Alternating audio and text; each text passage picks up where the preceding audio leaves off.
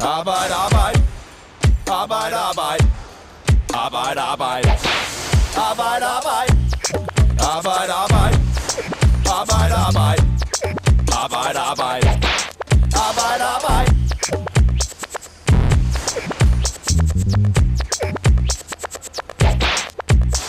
Inflationen er den højeste i 30 år. Rigtig mange varer stiger i pris, og almindelige lønmodtagers løn rækker ikke lige så langt, som den gjorde for få måneder siden. Det giver lommesmerter hos nogle af dem med dårligst økonomi, men hvad kan og skal man gøre ved det? I Arbejde Arbejde ser vi på, hvad inflationen betyder for almindelige lønmodtagere. Mit navn det er Morten Olsen, og mine gæster i dag er Jonas Højlund og Peter Keiding, henholdsvis redaktør og journalist på Fagbladet 3F. Velkommen til jer begge.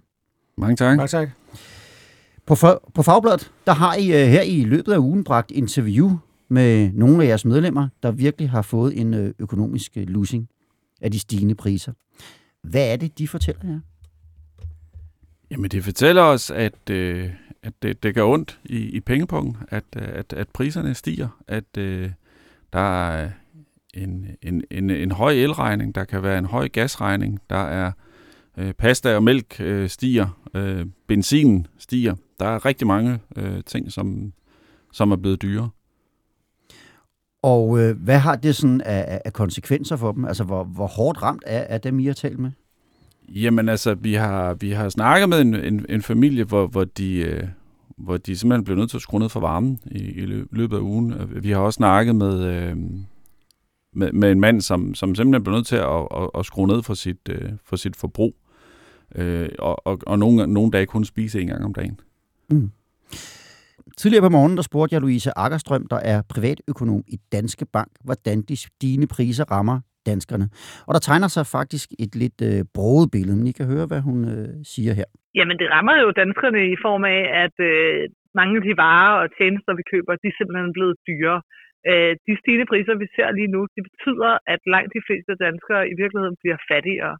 Der er ikke nogen tvivl om, at dem, der har gasfyr, de virkelig har fået nogle massive ekstra regninger fra, fra de stigende gaspriser, som man slet ikke har set øh, hos langt de fleste fjernvarmekunder. Der er også dem som, øh, dem, som kører langt i bil. Hvis du pendler for eksempel i en benzinbil, så er det nok heller ikke gået din næse forbi, at, øh, at benzinpriserne er steget ret kraftigt. Der er nogen, øh, lad os sige, du er ansat i byggeriet, som nyder rigtig godt af, at vi jo faktisk står i en god konjunktursituation. Der er rigtig godt gang i arbejdsmarkedet. Der er, øh, der er stor efterspørgsel efter, efter arbejdskraft, ikke mindst for eksempel i, i sådan noget som byggeriet. Og der kan man altså godt øh, en del steder også øh, omsætte det til at få noget mere i løn. Øh, det er der så også nogen, der ikke kan. Øh, først og fremmest dem, der er på overførselsindkomster, jamen de får jo ikke mere i overførselsindkomster, i hvert fald ikke her og nu øh, til at betale de her ekstra regninger. Men også folk, der måske ikke har en, en overenskomst, der tillader så meget, øh, så meget ekstra øh, mellem forhandlingerne. Det er jo sådan lidt, øh, lidt, lidt blandet, det hun siger her. Der er faktisk nogen, der, der måske ligefrem øh, står i en rigtig god situation. Også rigtig mange, som ikke gør. Og så peger hun især på det her med energien. Og det var det, du sagde, Jonas. Der har I talt med et 3F-medlem, der er kok, og som virkelig har mærket øh, de her energipriser og hårdt. Kan du sætte lidt flere ord på, hvad det var, han og hans familie oplevede? Jamen, det, det er Christoffer Filskov fra, fra Fyn, som, som af sin familie blev kaldt Joachim von And, fordi han er simpelthen, de fik en ekstra regning på 4.500. Og så var så det, det, det kan jo ikke blive ved med at gå. Så, så han gik, øh, altså for det første, så, så havde de, så havde de tændt for, for, for brændeovnen, eller den, den fyrede de op i hver dag, og så har de simpelthen slukket for varmen i rigtig mange øh, rum øh, til, til, til børnenes store fortrydelse.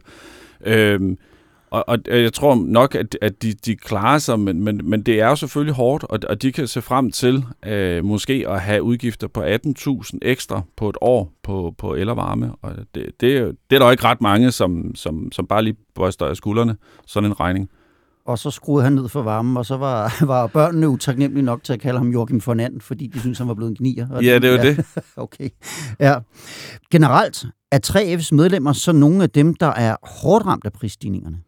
Jamen det er det helt klart. Altså, det er jo, det er jo nogle, nogle, nogle, øh, øh, flere af dem med nogle, nogle lavere indtægtsgrupper, og det er klart, at øh, så, så rammer det hårdere, når det er sådan, alt bliver, bliver dyrere. Vi ved jo også fra, fra diverse undersøgelser, at mange af vores medlemmer pendler mere, kører længere til og fra job, øh, end mange andre gør, og det betyder også noget. Øh, vi har snakket med, med en familie i Holstebro, øh, som, som, hvor mand og kone til sammen pendler 234 km om dagen.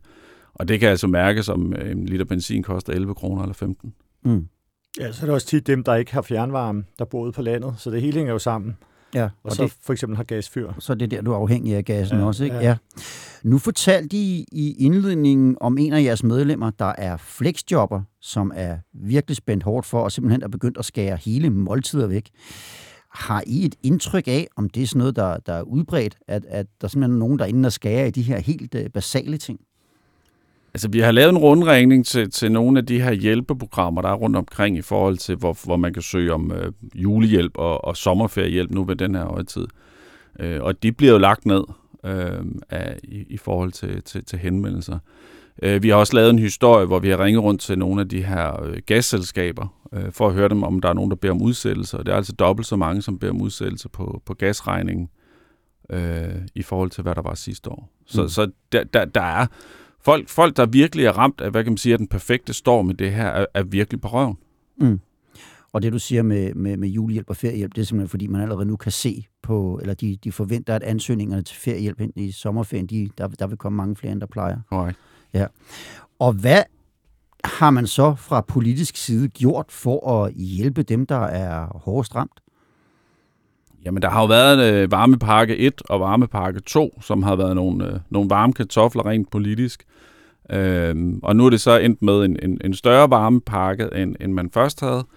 Hvilket betyder, at man kan få, øh, nu skal jeg se, jeg har tallet her et sted, øh, op til 6.000 kroner skattefrit. øh, og så er indkomstgrænsen, den er så på 650.000. Men øh, udover det, så har man jo også vedtaget, at man skal øh, omlægge mere til fjernvarme.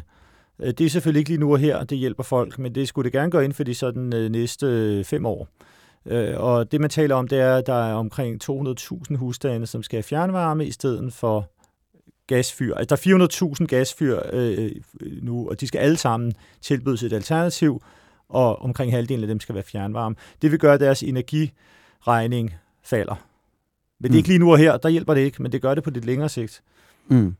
Så det er også øh, et spørgsmål om, at vi som samfund måske godt øh, i, i, på et senere tidspunkt vil være mindre afhængige af sådan noget som russisk gas. Ja, det er jo selvfølgelig også for at, ja. i forhold til krigen i Ukraine. Mm. Øh, det hele hænger jo sammen. Mm. Men er der overhovedet, altså hvor mange ting er der at gøre her politisk? Er der andet end det, der allerede er gjort, man, man kan gå ind og gøre, og er der flere håndtag at skrue på? Jamen, der er jo, ja, der, der er jo rigtig mange øh, skibe i, i søen. Der er jo ikke rigtig nogen, der, der, der har fundet en havn eller fodfæste endnu, fordi det er svært at regulere det her. Øh, man kan sige, på et tidspunkt var der snak om et forhøjet kørselsfradrag, øh, men der var økonomerne ude og sige, nej, det er ikke rigtigt den rigtige måde at gøre det på, fordi så kommer der sådan set bare flere penge ud i samfundet, og det giver en højere inflation, som igen giver højere priser.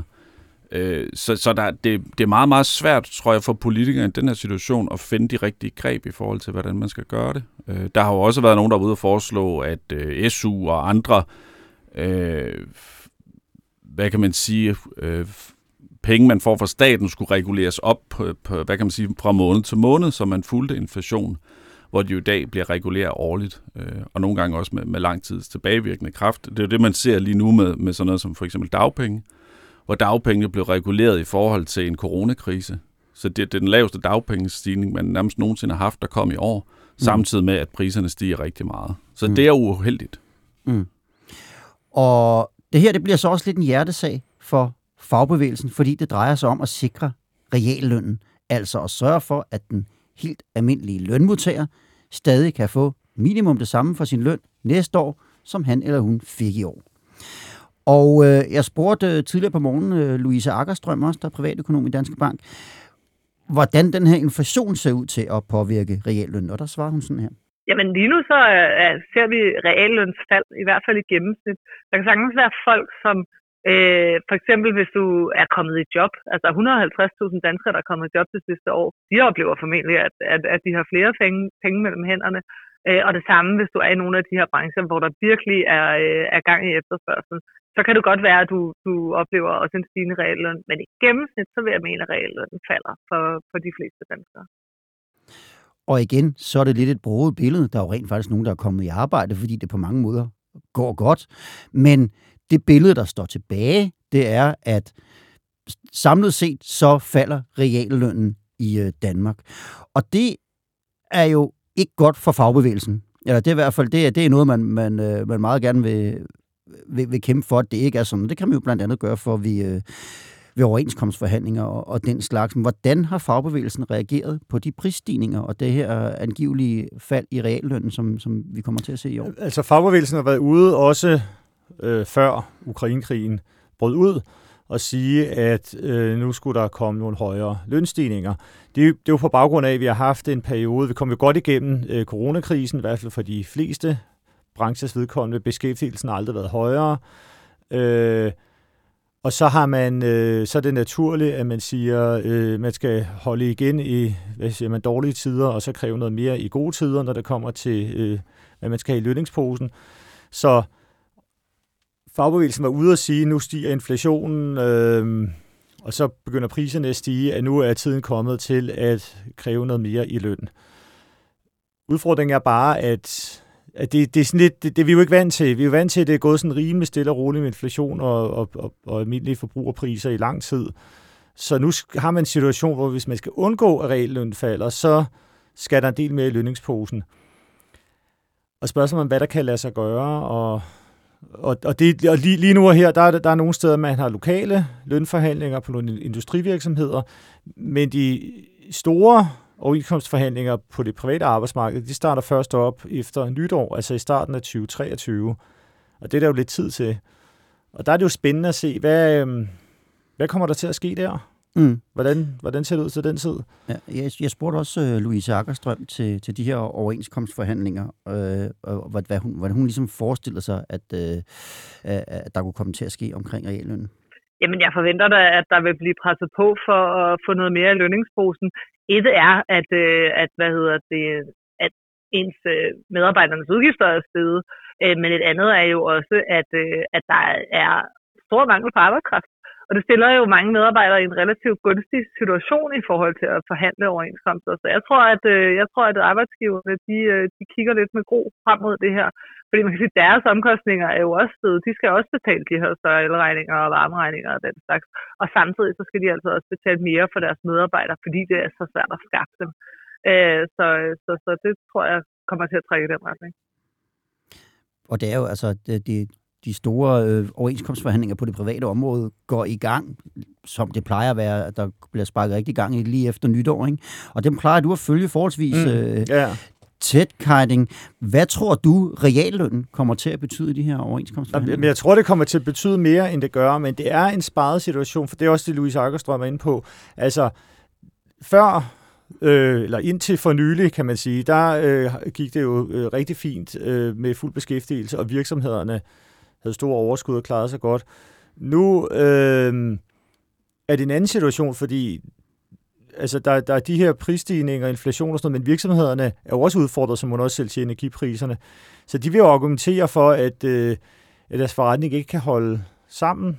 Altså den, den ikke, det, det ikke hænger sammen, hvis de skal give lønstigninger, særligt store lønstigninger. Så det er en, øh, en sparet situation. Jeg tror ikke, der er nogen tvivl om, at realløn vil fylde en del. Og der er også et eller andet symbolsk, eller hvad man skal sige, i at det her med, at man helst ikke vil gå ned i realløn. Så kan det godt være, at man ikke går op, men i hvert fald ikke, men i hvert fald ikke vil gå ned. Men det, det skal der nok komme et stort slagsmål om. Mm. Og, og det, jeg vil bare lige supplere og sige, det er jo en, en meget, meget svær situation, du står Jeg tror, ved de sidste overenskomstforhandling, der, der lå man på sådan noget 2,3-2,5 procent om året i en treårig periode. Og lige nu, der har vi en inflation på, på sådan noget 5-6 procent mm. Om året, måske. Ja. Worst case. Så, øh, og, og måske altså, så, så det er meget, meget svært at, at, at gå ind og lave de der lønstigninger, øh, tror, tror jeg, i det omfang, som, som folk måske vil kræve. Og så er der jo også den, at man jo de sidste par gange, man har forhandlet overenskomster, har man lavet treårige overenskomster. Og det har man gjort, fordi man godt kunne se fremtiden. Man har godt kunne se, hvad der lå derude, og tænkte, vi kan godt lave en treårig aftale her. Det er altså ikke sikkert, at de gør det igen. Nej, fordi siden da, øh, midt i de sidste overenskomstforhandlinger, der kom coronaen og fyldt noget i to år, så var den øh, i hvert fald i, i Danmark sådan nogenlunde vel overstået, og nu håber jeg ikke, at jeg tager munden for fuld, når jeg siger det, men så kom der en krig i, i Ukraine, og det gør vel også et eller andet ved, ved, ved, ved hvad man tænker, når man sidder ved, ved sådan en forhandlingsbord. Ja, helt sikkert. Og det, der kan gøre det endnu mere øh, dramatisk, det er, at sidste gang, der var jo faktisk virkelig fronterne trukket skarpt op, når det kommer til byggeriet. Mm. Fordi at byggeriet ville have, at man hævede den mindste, altså mindste lønnen på deres område, for at primært for at forhindre social dumping, fordi der var mange østarbejdere, som gik lige præcis på, altså de overholdt overenskomsten, men de fik lige præcis det mindste, man måtte få. Så, så det var et stort, en stor mærkesag, og, og det var rimelig kørt op til, at det her godt kunne blive til øh, en reel konflikt og strejke og sådan noget. Og så, og så kom coronaen der i marts 2020, mm. og så lavede man en aftale lynhurtigt, fordi nu var der corona, der havde vendt op og ned på det hele. Men det kan jo godt være, at det ikke er alle, der har glemt den, det krav, der var dengang. Som der i øvrigt også var gangen før, hvor det heller rigtig blev til noget. Altså, så der er rigtig meget, der kan gøre det meget spændende, øh, når vi mm. når frem til, til overenskomstforhandlingerne. Ja, hvis, hvis vi lige skal genopfriske det forløb, der var, så var det jo, der kom en, en rigtig fin overenskomst øh, set fra, fra arbejdersiden hjem på industriens mm. område, og så forventede man egentlig også, at, der var rimelig gunst, en gunstig forhandlingsposition på, på byggeriets område. Ja. Men inden vi nåede så langt, så kom coronaen Jamen det, det var, og kilede sig ja. ind imellem de, de to og, og, og, det var, ikke? og så jo, jo. noget andet. Og det var meget, faktisk meget øh, dramatisk, fordi der var, altså den ene dag, som jeg husker det, så gik vi alle sammen og talte om, kan vide, hvad der sker på byggeriet, og kan vide, når der kommer stor konflikt. Og, og, og det var sådan, øh, det var svært at finde, finde ud af, hvordan parterne skulle mødes. Og så kom coronaen, og det hele skete i løbet af et par dage. Og så gik der, jeg kan ikke huske, en uge eller to uger, eller så det gik rigtig hurtigt, og så fik vi lavet en aftale. Og så var det med det der budskab fra fagbevægelsen om, at nu er der corona, så nu er vi ligesom kortsluttet det hele, men næste gang. Og hvad så? Ja, hvad så? Hvad hedder det? Øhm, jeg spurgte jo også øh, Louise Akkerstrøm om, øh, hun ligesom ville prøve at rise nogle scenarier op. Altså, hvad, hvad kan vi egentlig øh, forvente her, der, der kommer til at ske? Og det hun jo sådan i hvert fald siger, det er, at, at, at der er nok meget af det, der er, der er ude af vores hænder. Best case er jo nok, at der kommer en afslutning på krigen i Ukraine, øh, at der øh, at, øh, at øh, at man får gang i, i de globale forsyningskæder og den slags igen, så det er, at priserne ikke mindst på energi kan komme ned igen. Øh, det, vil være, øh, det vil være et godt sted at starte. Øh, hvis det er, er worst case, jamen så, så fortsætter de her priser med enten at være høje, eller at de stiger endnu mere. Det kan fx være, hvis man lukker for russisk gas. Øhm, og derudover, så begynder det også at sætte sig øh, i sådan den indlandske inflation, som ikke bare er energi, men som også er det her med, jamen øh, virksomhederne er nødt til at hæve priserne for at kunne betale mere i løn, øh, og, øh, og det gør, at, øh, at folk kræver mere i løn, og så, og så ser hænder, havner man i den her øh, uheldige lønprisspiral, og så kan priserne godt komme væsentligt mere op. Som man hører øh, Louise Akkerstrøm her, så er der jo rimelig meget af det her, der er der er ude af, af, af både os og politikere og alle mulige øh, andres hænder. Så jeg spurgte hende også, hvad kan man selv gøre i sin privatøkonomi for at, at gøre det i hvert fald bare lidt bedre for sig selv? Noget af det, jeg synes, der er vigtigst i virkeligheden, at man sørger for at have et godt overblik over sin økonomi. Øh, finde ud af, hvad er det, jeg bruger mine penge på. Finde ud af, hvordan, øh, hvordan hænger min økonomi i virkeligheden sammen. Også så at hvis man ligesom identificerer, jeg kommer ikke til at kunne betale mine regninger til den første, jamen så kan man gøre noget øh, i, i ordentlig tid. Man kan for eksempel også gå ned og snakke med sin bank. Øh, for det er tit det her, når man, når man taber overblikket, at øh, man både kan komme til at have for nogle ekstra udgifter, øh, som man måske kunne have undgået, men også, at, øh, at man virkelig kan komme med økonomiske problemer. Øh, så det vil jeg først og fremmest sige, man skal gøre. Derudover så er der jo også, især for dem måske med, med gasfyr, øh, og som har høje energiudgifter, så kan man jo også begynde at overveje, kan jeg lave nogle langsigtede investeringer i forhold til at gøre mig uafhængig af de her, øh, den her dyre gas. Og det kan jo for eksempel være at skifte til fjernvarme, varmepumpe, lave bedre isolering af sin bolig og den slags. Og så derudover tænke over, hvordan man, øh, hvordan man bruger energi derhjemme. Det var et øh, par konkrete råd, både til kort og lang sigt. Men summer som der er nogle farmomenter, der er også nogle lyspunkter, men en ting er i hvert fald helt sikkert, debatten om reallønnen, den kommer til at køre, og den følger vi både her på Fagbladet 3F, Jonas Højlund og Peter Kajden. Tak fordi I kiggede forbi. Selv tak. Selv tak. Vi er tilbage igen i næste uge, hvor vi nærmer os 1. maj, og i den forbindelse vil jeg gerne gøre lidt reklame for en podcast, vi har lavet om 1. majs historie, fra den allerførste fejring i 1889 og frem til i dag. Den podcast har et par år på banen, men den er stadig aktuel, så giv den et lyt, og så sørger du, Jonas, for, er det ikke rigtigt, at den ligger rigtig godt placeret inde på Fagbladet 3F's hjemmeside, så det ikke er svært at finde den. Jo, jo. Til jer, der lyttede med, ha' det godt, til vi høres ved igen. Arbejde, arbejde. Arbejde, arbejde. Arbejde, arbejde. Arbejde, arbejde. Arbejde, arbejde. Arbejde, arbejde. Arbejde, arbejde. Arbejde, arbejde.